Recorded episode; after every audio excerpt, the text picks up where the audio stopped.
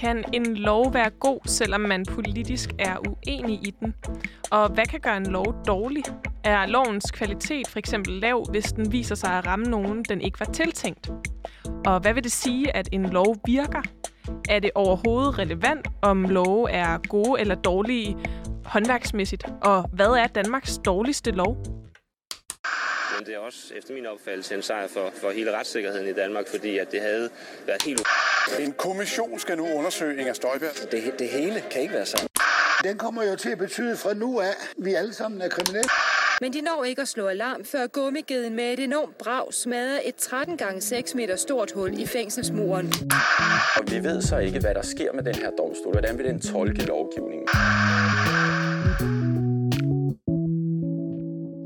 Velkommen til Boblen. Mit navn er Veronika, og i den her sæson der undersøger jeg, hvilken rolle jura spiller for din og min dagligdag, og hvilke principper og udfordringer, der er på spil, når loven den skal udformes og opretholdes. Og til at hjælpe mig med det, der har jeg i dag besøg af to jurister. Rasmus Madsen, velkommen til dig. Tak for det. Og Mads Markvart Holscher, velkommen til dig også. Mange tak. Og øhm, Rasmus og Mads, som jeg også sagde i min, øh, i min indledning, så skal vi jo snakke om, om der findes gode eller dårlige love set fra et rent juridisk perspektiv, og også, øh, hvad kan man sige, forholdet mellem det juridiske perspektiv og den politiske debat om, øh, om lovgivning. Men er der noget sådan inden for jura, eller som I snakker om som jurister, som er sådan virkelig forbudt at gøre, eller noget, som virkelig sådan er no-go, når man skal udforme lovgivning?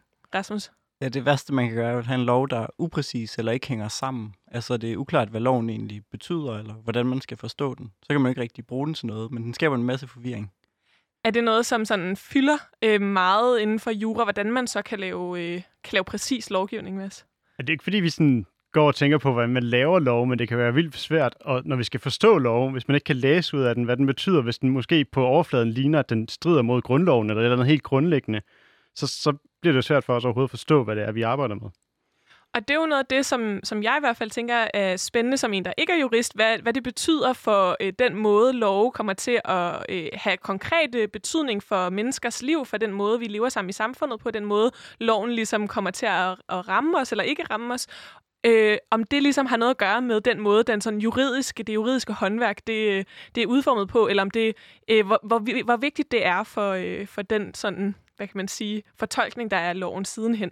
Og i den forbindelse, øh, Mads, der har du været ude og tale med professor i forfatningsret, Jens Elo Rytter. Øh, ja, det har jeg. Og øh, han skal lige præsentere sig selv her, og det kommer nu.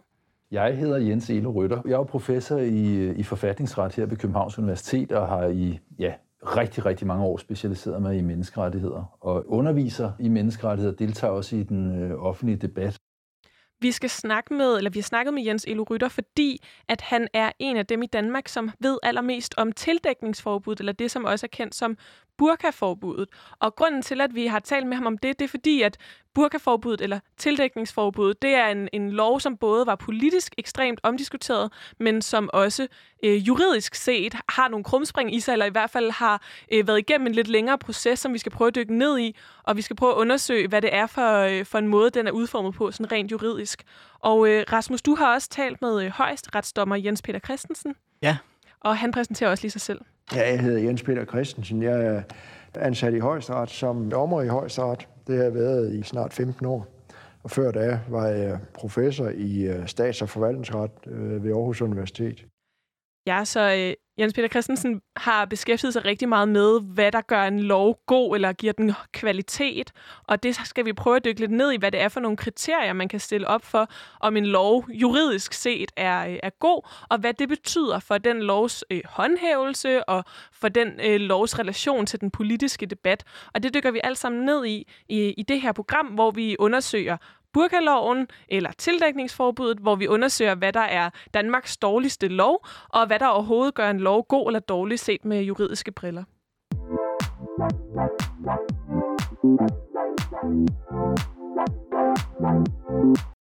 Og som jeg lige sagde, så skal vi også omkring, hvad der er Danmarks dårligste lov. Og i den forbindelse, der har vi øh, undersøgt, hvad jurastuderende de mener er Danmarks dårligste lov. Vi har lavet en helt hurtig ret uvidenskabelig øh, rundspørg blandt jurastuderende om, hvad de mener er Danmarks dårligste lov, en afstemning. Og øh, den skal vi øh, præsentere øh, resultaterne af nu. Vores øh, top 3 over øh, Danmarks dårligste love.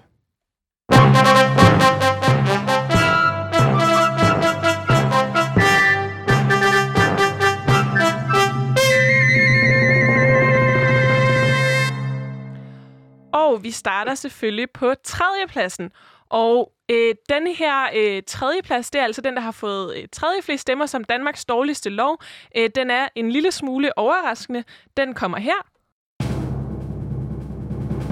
Det er grundloven. Det kommer måske det kommer lidt bag på mig, at øh, det er grundloven, der har, øh, der har fået tredje flest øh, stemmer i den her øh, ganske uvidenskabelige rundspørg, men alligevel blandt jurastuderende om Danmarks dårligste lov. Hvorfor tror I, Rasmus og Mads, at, øh, at grundloven er kommet på tredjepladsen over Danmarks dårligste lov? Altså, det er der flere bud på. De har ikke øh, begrundet, hvorfor de har stemt på den, så vi ved det jo ikke. Men grundloven er en ret gammel lov, der bliver ændret sjældent, og det gør både, at den teknisk er lidt besværlig, men også, at den indeholder nogle politiske ting, der måske øh, kan støde nogle øh, jurastuderende. Altså, øh, kirke og stat er forbundet igennem grundloven, og øh, kongehuset har sin berettigelse igennem grundloven. Så måske er det ikke så meget noget lovteknisk, men mere nogle politiske ting, der gør, at jurastuderende synes, det er en dårlig lov. Men det kunne også være, at der også var noget sådan, at det her gamle sprog, eller den har sådan en eller anden forældet øh, tone, eller hvordan? Ja, altså, den kan være ret svær at forstå, grundloven, hvis man nu sådan har læst den. Den snakker hele tiden om kongen, men i virkeligheden så ved man, at det betyder regeringen i dagens Danmark. Øh, så man kan rigtig forstå den, når man umiddelbart læser den. Der er også nogle, nogle rettigheder, sådan borgerrettigheder med ytringsfrihed og alle de her ting, som er nogle ret outdated bestemmelser, hvor det betyder noget helt andet i dag. Der er en masse andre, en masse udvikling, hvor, som bare ikke er kommet med i grundloven. Øh, og så er den jo heller ikke sådan, så skal man i hvert fald bruge en masse andet, så loven er ikke så god bare at læse og forstå. Mm. Så der er både sådan noget teknisk, og så er der også noget i den måde, den ligesom, øh, de, det, det, den indeholder, som man også måske kunne være politisk uenig i. Øhm, vi skal videre til øh, andenpladsen i øh, Danmarks dårligste lov, ifølge jurastuderende. Og den kommer lige her. Det er Udlændingeloven, der kom på andenpladsen over Danmarks dårligste lov. Og øhm, i hvert fald blandt vores lille hurtige rundspørg her. Og øh, Mads, hvad, øh, hvad tænker du, der kan være begrundelsen for, at udlændingeloven er kommet på andenpladsen i den her rundspørg? Altså igen ved vi jo ikke helt præcis, hvorfor folk har stemt på den. Der kan også være politiske grunde, hvad ved jeg. Men den er også bare super kompliceret. Der er rigtig mange bestemmelser og stykker, der bliver hele tiden tilført nye ting, og ting, man skal tjekke det ene sted, og så scroll hele vejen ned den anden ende af loven og tjekke det for lige at forstå det øh, rigtigt. Samtidig med, at den også ændrer sig konstant, så hvis man kender loven indgående, faktisk har sat sådan noget lært hele loven, så går der måske to måneder, og så er det noget helt andet, der gælder. Så sådan, der, ja, der kan være mange grunde, men den er i hvert fald utrolig kompliceret opbygget. Ja, det er jo også en lov, der er virkelig stort politisk fokus på lige nu. Ja, lige præcis. Og det har der været i lang tid, og det betyder, at loven bliver sådan en knopskydning, hvor man vil have et eller andet nyt hensyn indført i loven, og så får man en lille ekstra paragraf eller et lille stykke øh, i alle mulige retninger, som gør det enormt svært at overskue, fordi loven ikke er så systematisk opbygget. Så vi har altså grundloven på en skarp tredjeplads, udlændingeloven på en øh, tæt andenplads, og så skal vi have øh, Danmarks dårligste lov ifølge jurastuderende. Det er så den, spændende. Ja, den, øh, den kommer lige her. Det er ligningsloven, og det, den får lige en applaus også her for at have vundet Danmarks dårligste lov. Men det, det er faktisk en lov, jeg ikke rigtig har hørt om nogensinde før. Hvorimod, man kan sige, de to andre, grundloven og udlændingeloven, har jeg, øh, har jeg i hvert fald hørt nævnt før. og, og også haft om øh, i hvert fald grundloven i, i skoletiden og sådan noget. Hvad er ligningsloven, og hvorfor tror I, at den er blevet kåret som Danmarks dårligste lov i den her hurtige rundspørg blandt jurastuderende? Øh, altså, de fleste vil nok sige, at de ikke har hørt om ligningsloven, men de fleste kender den egentlig også godt, fordi det er en af de love, der regulerer, hvor meget skat man skal betale. Og igen kunne man jo spekulere i, at de jurastuderende bare var sure over, at de skulle betale skat, men det kunne også være, at det er fordi, at den ligesom udlændingeloven er bygget op af mange politiske hensyn, og derfor så er den enormt kompliceret, og at man kunne argumentere for, at man måske kunne have et simplere system, der gav den samme effekt, men som var meget nemmere at forstå. Så det er derfor, jeg tror, at den er kommet på førstepladsen. Fordi... Og det var, det var en overvældende sejr, den fik jo langt flere end nogle af de andre. Så der er i hvert fald ret bred øh, enhed i den her, i hvert fald i den her korte, hurtige rundspørg, om, at, øh, at den er simpelthen øh, den dårligste lov, man lige kan komme på som jurastuderende. Og det kunne hænge sammen med, at den måske er rimelig øh, besværlig at finde rundt i, og rimelig teknisk. Sige, det er jo både en besværlig og teknisk lov, og den berører alle i Danmark, der betaler skat i hvert fald, og det er jo langt de fleste. Ikke? ja, okay. Men altså, man kan sige, vi ved jo ikke, hvad de her øh, jurastudenter, der har stemt i vores, øh, vores øh, rundspørg her, hvad de øh, har øh, begrundet deres øh, stemme med.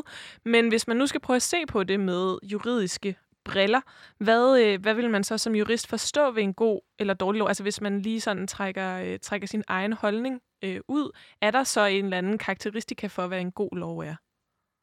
Altså man kan i hvert fald sige, at Justitsministeriet har sat sig ned og skrevet lidt om, hvordan de tænker, man bør lave lov. Og det er jo lidt et hint om, hvad en god lov er. Og de siger, at en lov skal løse et problem.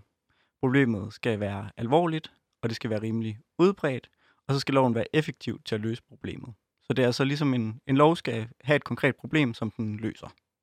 Eller i hvert fald delvist løser, ikke? Ja, så det er i hvert fald sådan en, en vejledning om, hvordan man kan tænke, at lovgivning øh, skal være. Og så øh, kan det jo være, at der er alle mulige forskellige politiske holdninger til, for eksempel om en lov løser den opgave, den skal på ordentlig vis og sådan noget.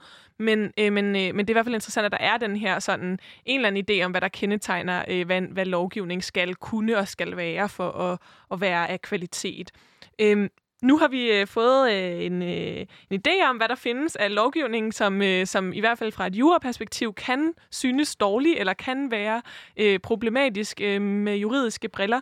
Og øh, nu skal vi prøve at dykke ned i et lidt mere konkret øh, eksempel.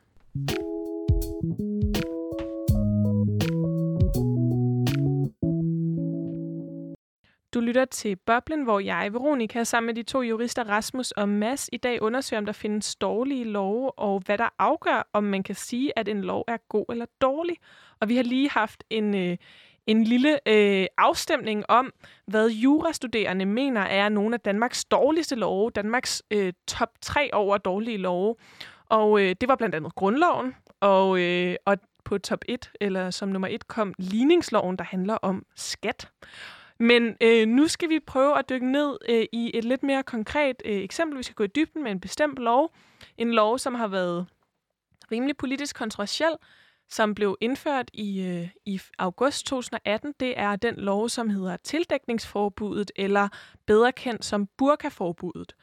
Og det var en, øh, et forslag, som blev vedtaget, som skabte stor politisk debat, og det kan man blandt andet se på den måde, den blev vedtaget på i Folketinget, fordi den blev vedtaget af Venstre, Socialdemokratiet, DF og Konservative, og så var der også nogle enkelte medlemmer af Liberal Alliance, der stemte for. Men der var også andre medlemmer af Liberal Alliance, der stemte imod loven, hvilket også Enhedslisten, Radikale, Alternativet og SF gjorde. Og så gjorde Mette Gjerskov fra Socialdemokratiet det også. Hun stemte altså imod sit parti, ligesom at LA også stemte imod, øh, eller var i hvert fald ret uenige. Der var ligesom nogle medlemmer, der stemte for, og nogle medlemmer, der stemte imod.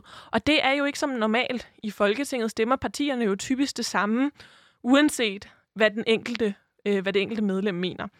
Loven den går ud på, at det er forbudt at tildække sit ansigt i det offentlige rum, og overtrædelse straffes med bøde, og for hver gang en person overtræder loven, så stiger bøden ind til fjerde gang eller derover. Der bliver det en bøde på 10.000 kroner. Det er sådan det højeste, man ligesom kan få i bøde, hvis man overtræder den fire gange eller mere.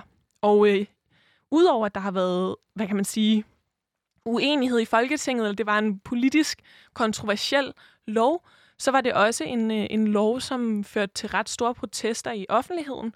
Og vi skal lige høre et klip med en, øh, en demonstration. Mit valg, ikke mere tvang. Mit liv, mit valg, ikke mere tvang. Kom. Mit liv, mit valg, ikke mere tvang. Mit liv, mit valg, ikke mere tvang. Mit liv, mit valg, ikke mere tvang. Højre. Mit valg, ikke mere tvang. Mit liv, mit...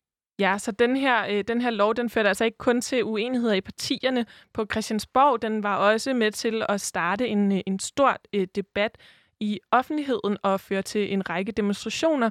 Det handlede blandt andet om, hvem den ville, øh, hvem den ville ramme, den her lovgivning, fordi som jeg også nævnte, så blev den jo kendt som burkaforbuddet. Men selve lovgivningen hedder officielt tildækningsforbuddet og handler sådan set i det hele taget om tildækning af ansigtet i det offentlige rum. Øh, men nogle af de øh, debatter, der var, og nogle af de demonstrationer, der har været, handler især om, at, øh, at kvinder, der bærer burka eller niqab, altså øh, muslimske øh, religiøst øh, dragt, at, den, øh, at de kvinder øh, oplevede det som et, et målrettet angreb øh, mod øh, dem. Og øh, der var nogle af de øh, kvinder, som, øh, som øh, mente, at den ville ramme dem, og en række andre folk, som mente, at den øh, måske ville være på kant med menneskerettighederne. Det var diskrimination med den her lovgivning. Den, der var altså en stor politisk uenighed, og øh, så endte man med at øh, få vedtaget loven, men den blev altså ikke kun rettet. Det blev ikke et burkaforbud, det blev et tildækningsforbud. Vi skal prøve at dykke ned i, hvad det betyder, at der var den politiske debat, som var meget specifik, men at man samtidig fik en lov, som egentlig handler om noget lidt bredere. Øhm, og du, Mads, har talt med, øh, med Jens Elo Rytter, som er professor i forfatningsret, om, hvad der også i forhold til, altså udover at det var politisk kontroversielt, den her lov, hvad der så også juridisk er, som måske er kontroversielt ved den måde, loven er udformet på. Ja, det har jeg. Og Jens Elo Rytter var ham, der havde om, om menneskerettigheder, da jeg selv tog bacheloruddannelsen på jura, så han var fagleder på det fag. Øhm, og han har fulgt den her udvikling øh, i forhold til burka-lovgivning i Europa ret tæt, fordi der er en masse sådan, menneskerettighedselementer øh, i den også. Øh, og grunden til, at den sådan, blev tildækningsforbud i Danmark, øh, både af navn, men også af sådan opbygning i stedet for burkaforbud, øh, det har jeg spurgt ham lidt om, hvordan det skete. Jeg tror, det starter med Nasser Carter, som i virkeligheden gerne vil have et burkaforbud i Danmark. Og så siger man så fra Justitsministeriets side, det rejser altså alvorlige spørgsmål i forhold til øh, religionsfrihed og religionsdiskrimination.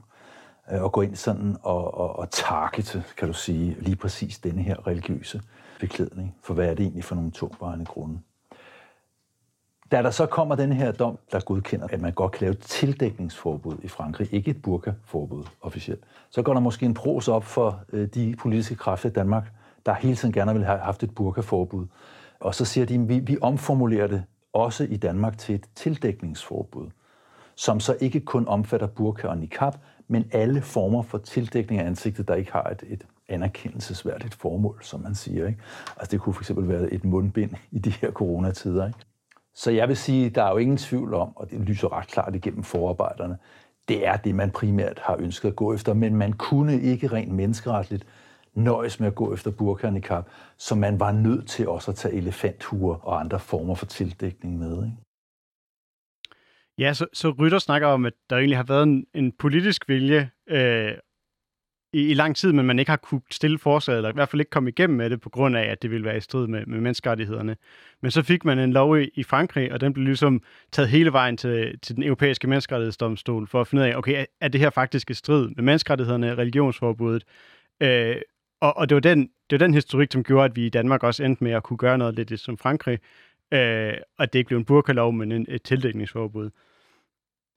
Og det, som jeg, som jeg forstår det her klip, så handler det om, at man i Frankrig tager et hensyn, der, øh, der handler om, at det er vigtigt for det franske samfund, at man kan se hinanden i ansigtet, så det ligesom kommer til at være det, det, det kommer til at, at handle om i, i forhold til selve øh, loven. Ja, ja altså, og de laver det her meget bredere, og så er det det, der er hensynet, ja. Og det kommer han også lidt på det næste klip, men, men, men det er det her, den her konstruktion med at lave noget, der egentlig princippet rammer alle. Øh, det er noget, man har lånt fra, fra, fra Frankrig. Ja, det virker jo måske lidt svært at forstå, altså hvordan at det at se hinanden i ansigtet pludselig er blevet et grundlæggende samfundsinstitution. Altså der er også mange, der har gået med solbriller før, og det har man ligesom ikke reageret på, eller andre former for ansigtstildækning. Så det virker måske lidt søgt, som Jens Elo også øh, siger her, ikke? at det er nok øh, det, man skal sige for at kunne gøre det lovligt, men det er nok ikke det, de har ment. Og ja, og, og det, som sagt, i det næste klip, der kommer lidt mere ind på dommen, og hvad det var, øh, de her dommer, de lagde til grund, og, og hvorfor vi ligesom lige pludselig nu kan lave den her slags lovgivning, som ikke strider mod menneskerettighederne. Ja, fordi der kom den her dom i den europæiske menneskerettighedsdomstol, og det, det hører vi lidt klip med, øh, med Jens Elo Rytter om her. Rent juridisk er det jo, fordi de ikke mener, at det er i strid med øhm, religionsfriheden eller i strid med diskriminationsforbuddet. Det her hensyn til, at man skal kunne leve sammen i et åbent samfund, hvor man kan se hinanden. Det mener de er et savligt hensyn, som kan begrænse religionsfriheden for de her muslimske kvinder, der ønsker at gå med burka eller niqab. Jeg tror, at vi er mange, der mener, at den ikke umiddelbart er specielt øh, overbevisende, den afgørelse. Det kan man blandt andet som jurist se ved at kigge på den dissens, der også var i, i afgørelsen, som egentlig meget, er meget mere livet af landevejen juridisk, som siger, jamen, øh, hvordan kan det egentlig være tungvejende hensyn fra et samfunds side, at der er nogle mennesker, der ønsker at gå tildækket? Hvad er det for fællesskabet, de bringer i fare der? Har man ikke ret til at være en indspænder? Har man ikke ret til at lukke sig inde på den måde? Og det vil jo være en mere klassisk juridisk argumentation. Man må lede efter tungvejende hensyn. Ja, så, så man, man vurderede egentlig, at, at, det, at det kunne være en begrænsning i, øh, i, i muslimers uh, religionsfrihed, og i, i virkeligheden måske også være diskrimination at, at lave sådan en slags lovgivning, men man sagde, det må man godt. Altså sådan, nogle ting må man jo godt. Uh, og i det her tilfælde sagde de, det må man godt, fordi at hensynet til, at, uh, at uh, man i Frankrig skal kunne se hinandens ansigter som en del af det at være et, en franskmand, eller leve i Frankrig som i det franske samfund, at det var ligesom øh, et tungtvejende hensyn, som kunne tilsidesætte øh, hensynet til at beskytte menneskerettighederne i forhold til religionsfriheden. Øh, og og det kommer han også ind på, øh, på Rytter her, ikke? at sådan, det var jo ikke enighed om, altså sådan, i, i, i den europæiske menneskerettighedsdomstol at, var der et flertal, som vedtog det, at det var okay, men der var også øh, en dissent, som man kunne ind på, som er et mindretal af dommere, som har en anden holdning. Og de synes simpelthen, at, at det det gav ikke rigtig mening at, at, at tilsidesætte øh, religionsfriheden, menneskerettighedsbestemmelsen øh, omkring det, øh, med sådan et hensyn, som ikke virkede specielt tungtvejende. Så, så også juridisk, altså ved selve domstolen, som er, øh, hvad kan man sige, en, en domstol, som den ligesom nåede til efter at have været igennem flere i, i Frankrig, øh, den europæiske menneskerettighedsdomstol, der var det også juridisk set et kontroversielt spørgsmål, det her. Ja, ja, virkelig. Og det er jo heller ikke, altså det er jo, det er jo et nyt hensyn. Altså, det er ikke rigtig noget, man kender fra tidligere domme, så vidt jeg ved, altså, det er noget, som, som, som man har set i, i den her dom, som den første med det franske forbud, og så er den ligesom gået igen, det her med, at man skal kunne se hinanden, og det faktisk var så tungvejende, at man kunne tilsidesætte beskyttelsen af, af religionsfriheden.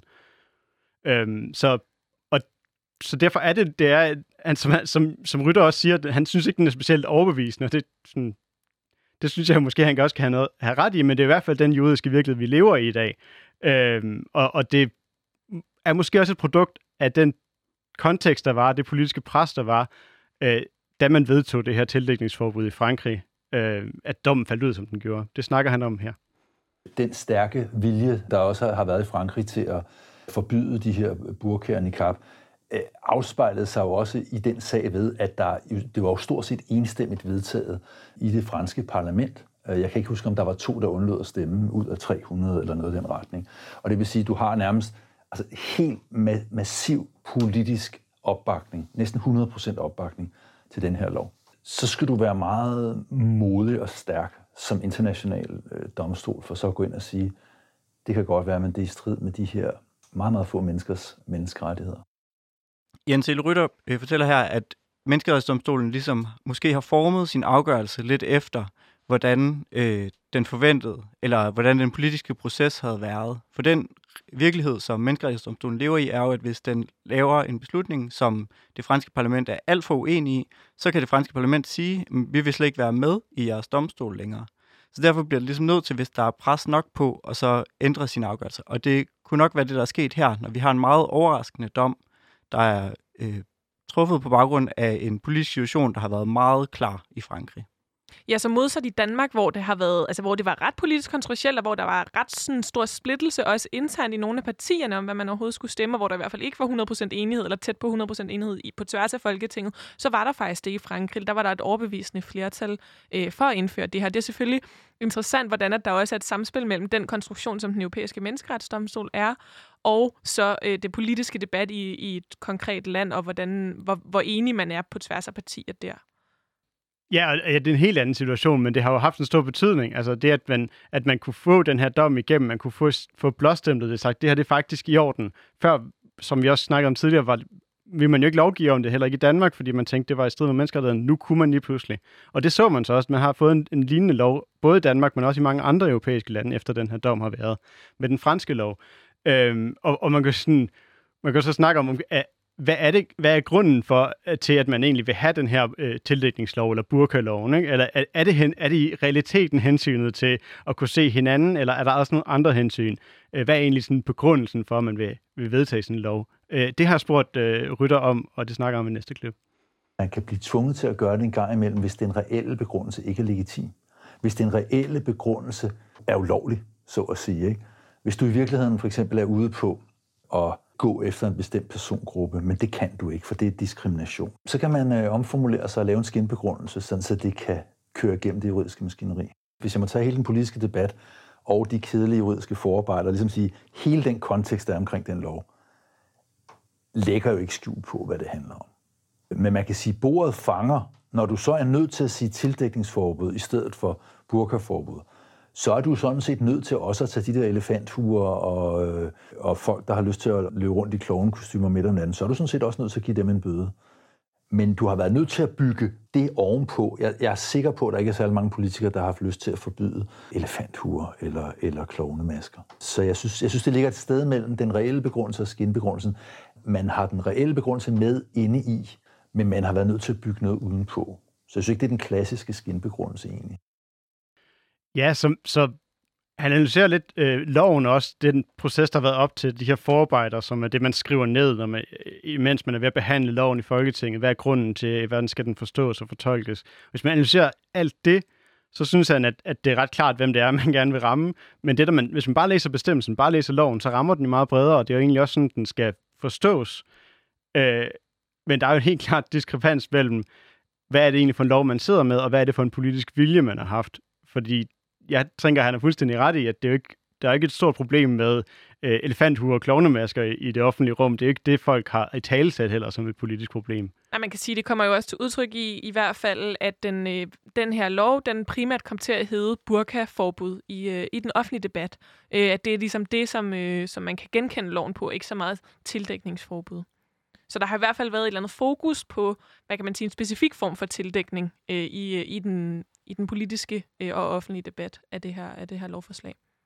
Ja, og på den måde kan man ligesom sige, at det er en skinbegrundelse, som han også næsten vil være med på, Jens Ele Rytter. Altså, det formål, man har haft med den, som jo, det er helt, lidt uklart, men det er i hvert fald noget med, at folk ikke skal gå med burka.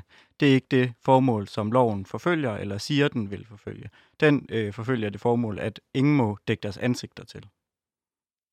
Ja, og, og, og det ligger måske også meget godt op af den her øh, vejledning om lovkvalitet, som vi var lidt inde på, som, som Justitsministeriet øh, har, har lavet, øh, som sætter nogle, nogle krav til, at okay, man skal identificere et problem, man skal analysere dets omfang og alvorlighed, og så skal man finde ud af, om en lovgivning øh, er effektiv og god til det. Og det har man, måske har man identificeret et problem her, men man har i hvert fald også lovgivet, øh, som, som måske også rammer noget andet, end det man egentlig sådan, snakkede politisk om, og problemet.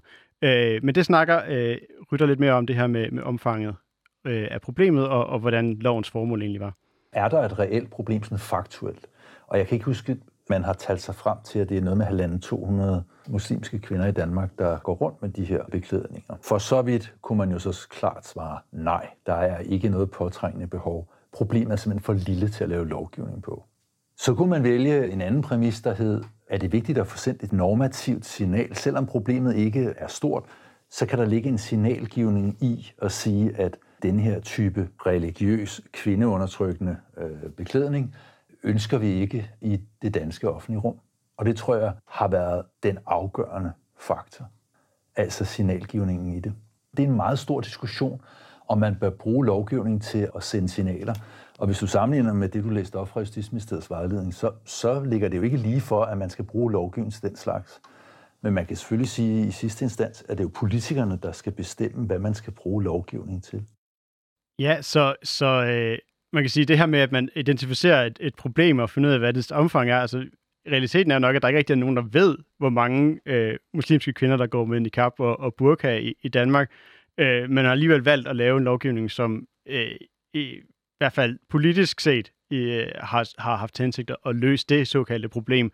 Øh, og, og, og det her med at skulle sende et signal, altså sådan, det, det strider i hvert fald ikke, det, som han også kommer ind på, øh, rytter, at det, det ligger jo ikke helt op af, af det her med at kunne identificere et problem og løse det med en lovgivning. Der er noget helt andet på spil.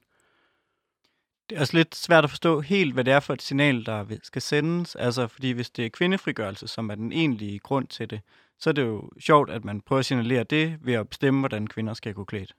Og det er jo også netop noget af det, som har været den politiske debat omkring det her forslag, at, øh, at der jo også er øh, stemmer, som har talt op imod den her øh, fortælling om, at burkanen i kappen øh, skulle være øh, kvindeundertrykkende, og også, at, øh, at det skulle være en løsning at, at lave den her, øh, den her lov. Og øh, nogle af dem, de har øh, organiseret sig i det, der hedder øh, Kvinder i Dialog, som er øh, øh, en gruppe af kvinder, der bærer niqab og burka, som, øh, som har, øh, har deltaget i debatten omkring det her. Og øh, vi kan høre lidt klip med, med dem og omkring deres øh, holdning til, øh, til det at gå med, med niqab.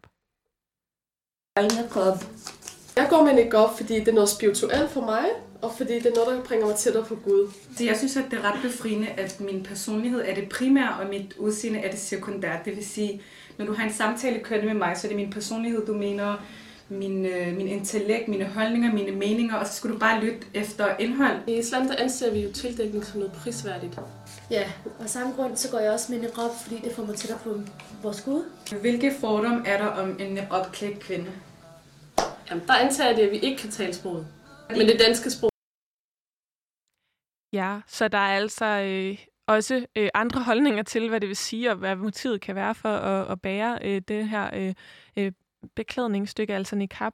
Og, øh, og det har jo været en del af debatten, den politiske debat, øhm, og det viser i hvert fald, at der jo øh, ikke er sådan nødvendigvis, hvad kan man sige, en entydighed omkring heller, hvad det vil være for et signal, man sender med den her lovgivning, øh, heller ikke i, i den offentlige debat. Nej, jeg synes også, det er tankevækkende, at, at det her med at snakke om, at, øh, at det er kvindefrigørende, det er i hvert fald ikke det argument, man har, man har ført ved den europæiske menneskerettighedsdomstol. Det var jo hensynet til at kunne se hinanden i ansigtet. Der snakkede man slet ikke om, om kvindeundertrykkelse. Det mente man simpelthen ikke, man kunne føre juridisk bevis for. Så igen er man ude på måske tynd is, hvad ved jeg. Øh, man er i hvert fald endt nu efter den her dom med at skulle formulere en meget bredere lov i praksis, som rammer mange flere. Der er også folk, der får bøder for at gå rundt med elefanthuer og så videre. Øhm, og, og det har vi også spurgt lidt ind til, hvad det egentlig betyder, at vi har så bred lovgivning. Øh, det snakker vi om her. Hvis du så vil gøre noget ondt over for en bestemt gruppe mennesker, og så siger diskriminationsforbud til dig, hvis du vil gøre dette onde mod denne bestemte gruppe, så er du nødt til at gøre det mod alle. Så tager du også det ansvar på dig. Nu kan man sige, at det her med at tildække sig, det er jo ikke noget, vi alle sammen går og gør i stor stil i det offentlige rum. Men hvis du fører det over på nogle andre områder, så kan det jo godt være en ret voldsom tanke.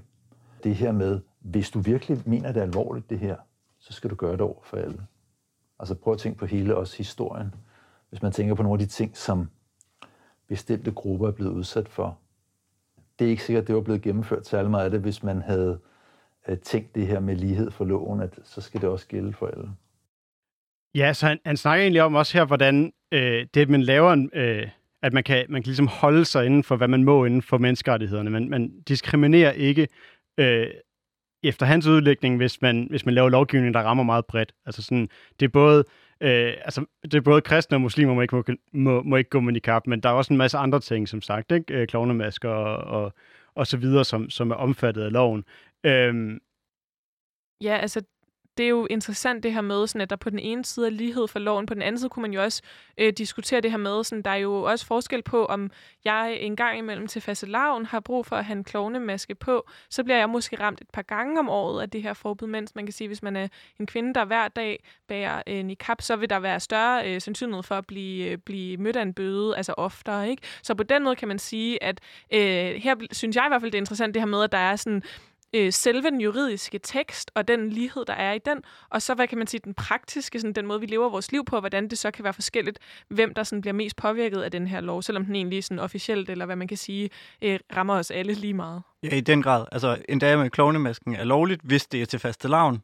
Øh, så hvis du gør det til faste lavn, så er du simpelthen undtaget. Jeg synes, øh, det virker noget, altså det her diskriminationsforbud, hvis det kun er en formel ting, altså at man formulerer sig ud af det, så man rammer en bestemt gruppe bevidst, hårdt, meget hårdere end alle andre, så virker det lidt tvivlsomt, hvad man overhovedet skal med sådan et diskriminationsforbud, og hvordan det vil beskytte os mod at gentage historiens øh, fejl, hvis man i praksis stadig kan diskriminere. Og, og det er jo virkelig også en af grundene til, at den, den dom, som alt det her baserer sig på, er lidt kontroversiel, fordi den udvander jo også, øh, hvad man normalt ville have beskyttet af menneskerettighederne.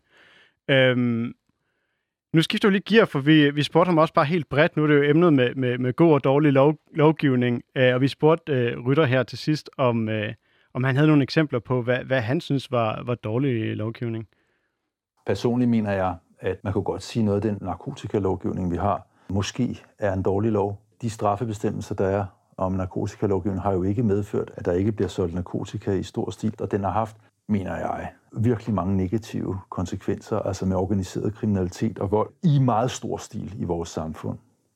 Der kan man da godt diskutere, om den lov, der skal løse et, et virkelig reelt problem, om den ikke faktisk skaber et større problem, end hvis den ikke var der, og det for eksempel var lovligt. Ja, så altså, man kan jo sige, der, vi kan have mange forskellige holdninger til, til narkolovgivningen, men sådan, hvis man bare kigger det, for, på det i forhold til de her kriterier, så, så mener han, at der simpelthen er så mange negative effekter, og den faktisk ikke er særlig effektiv i forhold til at bekæmpe narkotikabrug øh, og, og handel osv. i Danmark, den lovgivning, vi har i dag. Øh, så jeg synes, det illustrerer meget godt det her med, hvad, hvad forskellen på lovkvalitet er, og så det politiske. Ja, og det skal vi dykke mere, meget mere ned i nu, det her med, hvad lovkvalitet, altså om en lov øh, juridisk, med juridiske briller er, er god, hvad det betyder.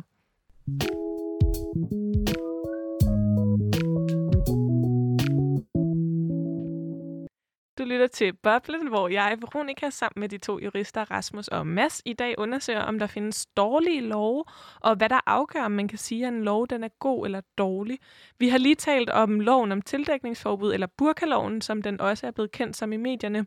Vi har talt med øh, med professor Jens Elo Rytter, der peger på, hvordan den her lov den ikke kun er politisk kontroversiel, men også juridisk kontroversiel, fordi den er udformet på en måde, hvor der var et formål i den politiske debat, øh, det her med at, øh, at forbyde muslimske kvinder i at bære burka og niqab, og et andet formål i selve loven, som handler om at i det hele taget forbyde tildækning af ansigtet i det offentlige rum. Og det er med til at gøre, at loven holder sig inden for menneskerettighederne, øh, men det er også med til at gøre, at man kan sige, at der på en måde er to forskellige begrundelser for, øh, for loven og formålet med den. Nu skal vi prøve at dykke mere ned i, hvad det er for nogle parametre, man sådan mere generelt set kan vurdere en lovs kvalitet på, altså om den er god eller dårlig sådan rent juridisk.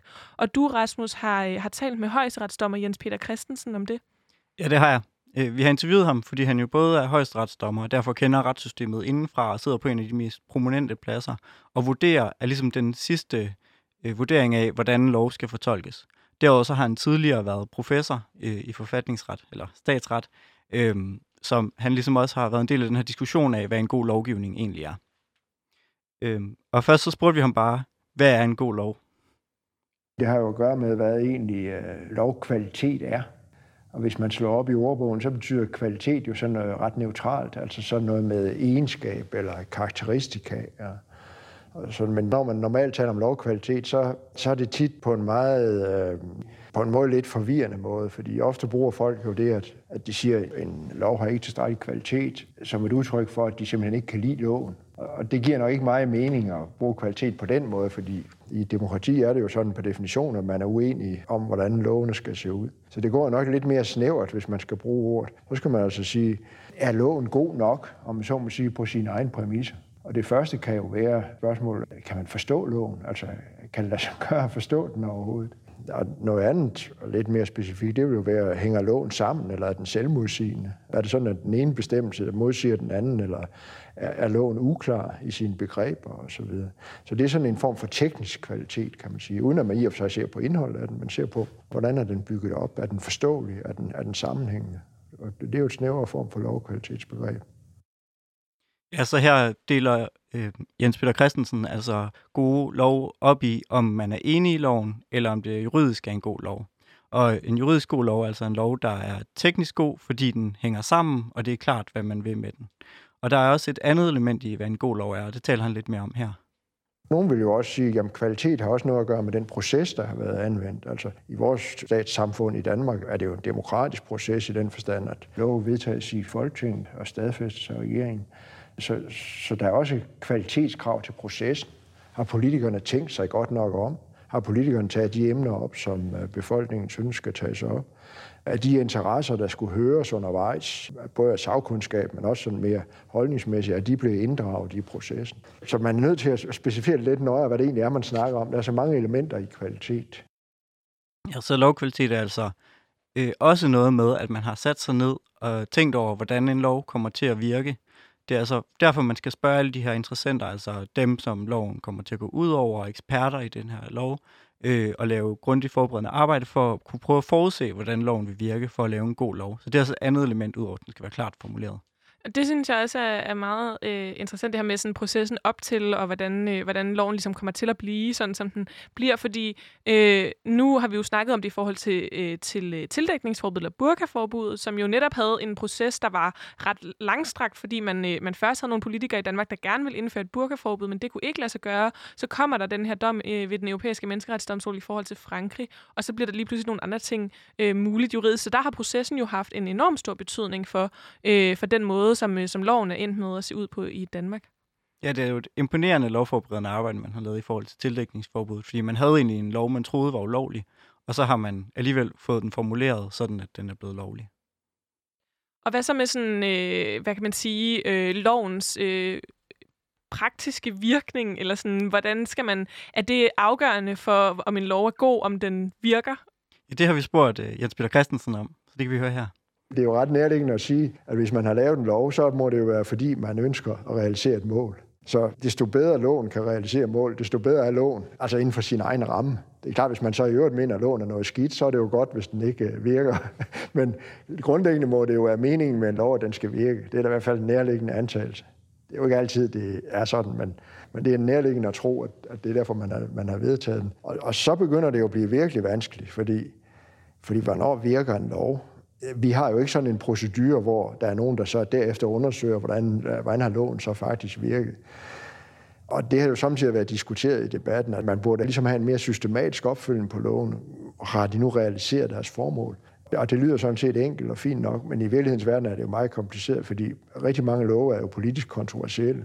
Så det der med, om de realiserer formål, det bliver hurtigt også en politisk debat og en politisk kamp, om de nu har realiseret det eller ikke har realiseret det. Så det er ikke så nemt, som det lige lyder, men det må være rigtigt at sige, at udgangspunktet må være, at en lov er bedre, hvis den realiserer sit mål, end hvis den ikke realiserer sit mål. Så Jens Peter Christensen mener altså, at man generelt er enig i, at en lov skal realisere sit mål, eller gøre det, den er sat i verden for. Men han påpeger også, at det er ekstremt kompliceret at finde ud af, om den faktisk gør det, og det er politisk øh, ømtåligt, om den gør det. Så derfor så er det lidt svært at sige øh, konkret, om lov rent faktisk forfølger sit formål. Ja, og hvis vi igen sådan snakker om det her tildækningsforbud, altså den, hvor man har en masse forskellige konkurrerende formål på en eller anden måde, altså hvornår er det, at man kan sige, at den har, den har været en succes? Hvordan kan man overhovedet kunne vurdere det? Man, man snakkede om, at den skulle styrke sammenhængskraften. Altså det er også sådan... Jeg har ingen idé om, hvordan man skulle kunne afgøre det. Det er en lille smule fluffy i hvert fald. Ja, for, ikke, hvad ja, for sammenhængskraft søren. betyder i praksis ja, for, for samfundet. Ja. Så det, ja, det er meget kompliceret. Vi har også spurgt ham ind til, øhm, om en lov rent faktisk skal løse et problem for at være en god lov. Det er jo nemt nok, når man er jagttager og dommer eller sidder på et universitet og kan sidde og gøre sig klog. Men de fleste vil jo alligevel sige, at, at vi skal ikke lave en lov, hvis den er unødvendig. Og unødvendig kan den jo være på to måder. For det første kan det være, at den slet ikke virker. Så sådan nogle lov skal vi ikke lave. Men man kan også sige, at vi skal ikke lave love, som, som løser problemer, der ikke er værd at løse. nogle problemer må vi bare leve med, det skal vi ikke gøre noget ved. Og der, der er det sådan, i sådan nogle øh, vejledende regler, man har i Sverige, man ligesom laver sådan en, nogle gode måder at tænke på, når man står over for, at nogen vil tage et lovinitiativ. Og så kan man spørge sig selv, er der et problem, og er det værd at gøre noget ved? og der kan man nok godt samtidig, hvis man er jagt her, så synes, at okay, hvor stort er problemet, og øh, er det godt at gøre noget ved det, fordi hvis vi gør noget ved det, så kan vi også komme til at lave skade i en række andre henseender, når vi laver det.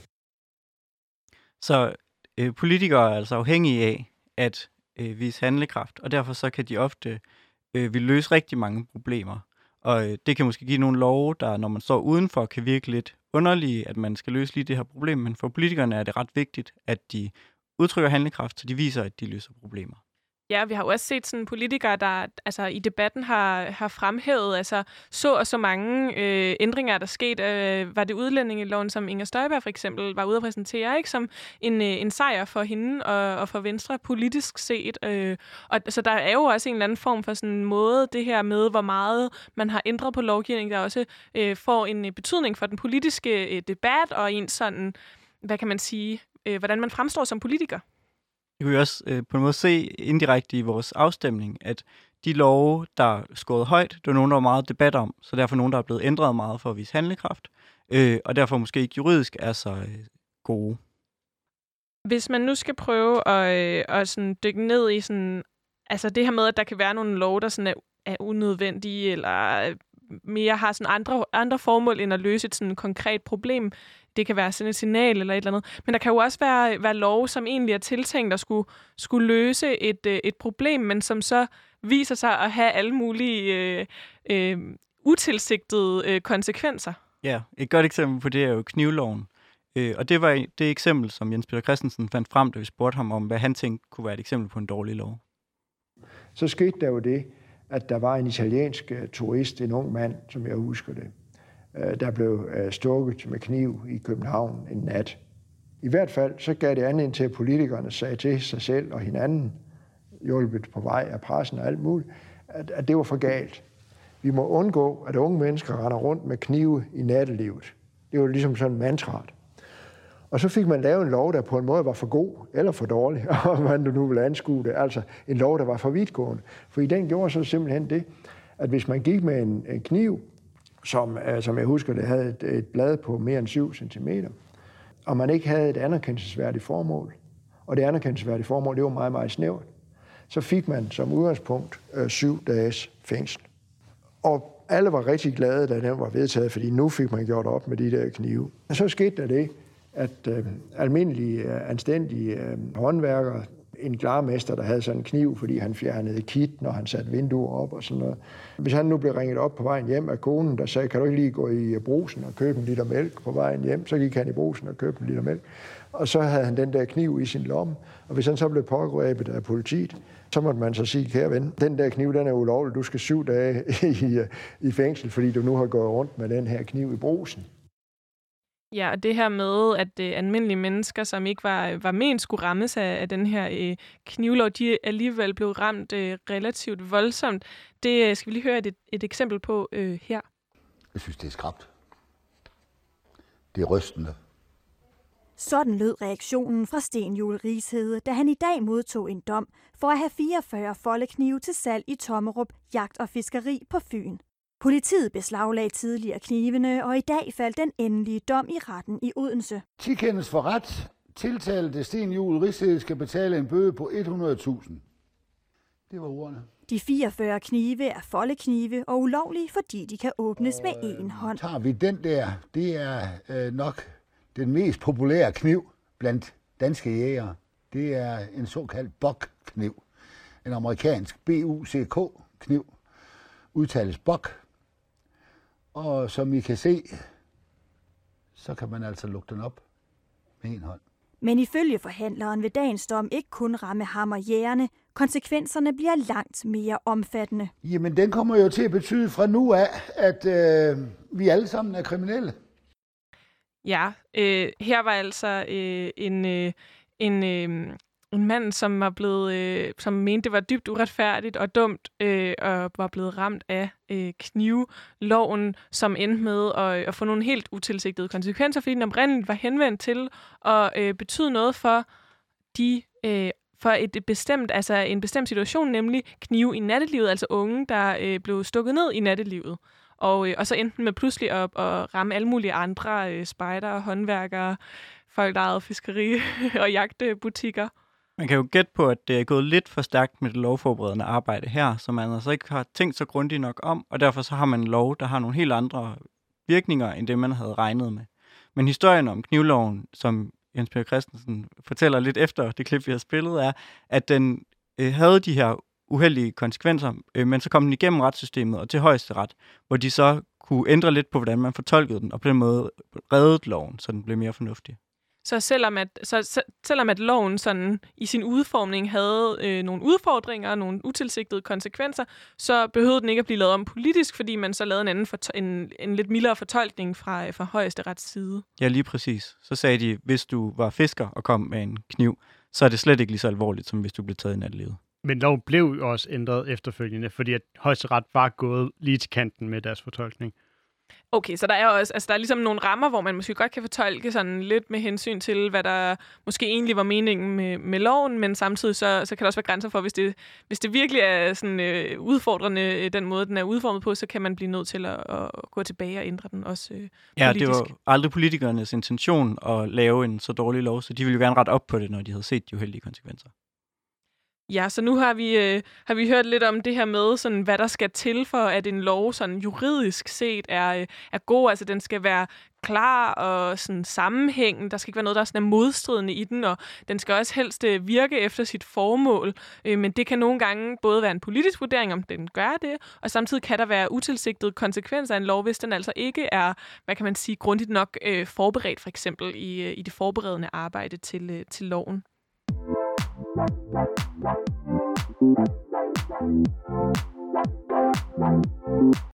Du lytter til Boblen, hvor jeg, Veronika, sammen med de to jurister, Rasmus og Mads, i dag har undersøgt, om der findes dårlige love, og hvad der afgør, om man kan sige, at en lov den er god eller dårlig.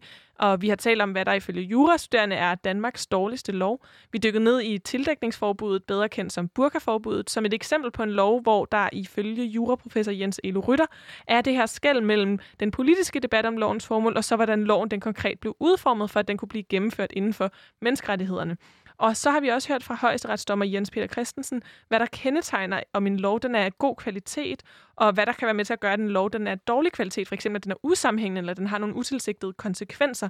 Øhm, og øhm, nu kan jeg godt tænke mig at prøve øh, helt kort lige at nå at snakke med jer om, Mads og, øh, og Rasmus, hvad, øh, fordi det her med, vi har jo haft det her burkaforbud eller tildækningsforbud oppe, fordi det både var noget, der var politisk kontroversielt, men også juridisk kontroversielt. Og det her med, at der var så meget politisk debat, øh, tænker I, at altså, samspillet mellem politik og jura i forhold til den måde, vi skal forstå loven på, i forhold til den måde, den ender med at blive håndhævet på, hvad kan der være af sådan... Øh, konsekvenser eller udfordringer ved, at, øh, at der er så politiseret en debat øh, om, øh, om, en, om en ny lov? Ja, altså jeg synes, det peger lidt på, at jo mere politiseret debatten er, jo dårligere bliver lovkvaliteten. Men jeg tror også, man skal passe på med at skille det for meget op. Altså vi har på en side lovkvalitet og en god lov rent juridisk, og så har vi en politisk lov, altså en lov, man politisk er enig i. Øh, og det er vigtigt at ligesom skille det ad, så man kan prøve at arbejde med at få bedre lovkvalitet, men man kan heller ikke skille det helt ad, fordi de er ret øh, spundet sammen, øh, så det politiske formål afspejler sig i den lovkvalitet, man får. Ja, og der kan jo være en politisk pointe, som vi også har været inde på, det der med at vise handlekraft og sende klare signaler og sådan noget, som nogle gange, altså for eksempel i knivlovseksemplet, der vil man jo virkelig bare være hardliner, og så fik det jo en utilsigtede konsekvenser, som alle var enige om, at det skulle de ikke have. Man er nødt til at ændre loven bagefter. Så, så, så det her med lovkvalitet og politik, jeg tænker, det spiller sammen på rigtig mange måder, og jeg tror måske også opdelingen ofte vil være lidt falsk. Øhm, der er i hvert fald meget nær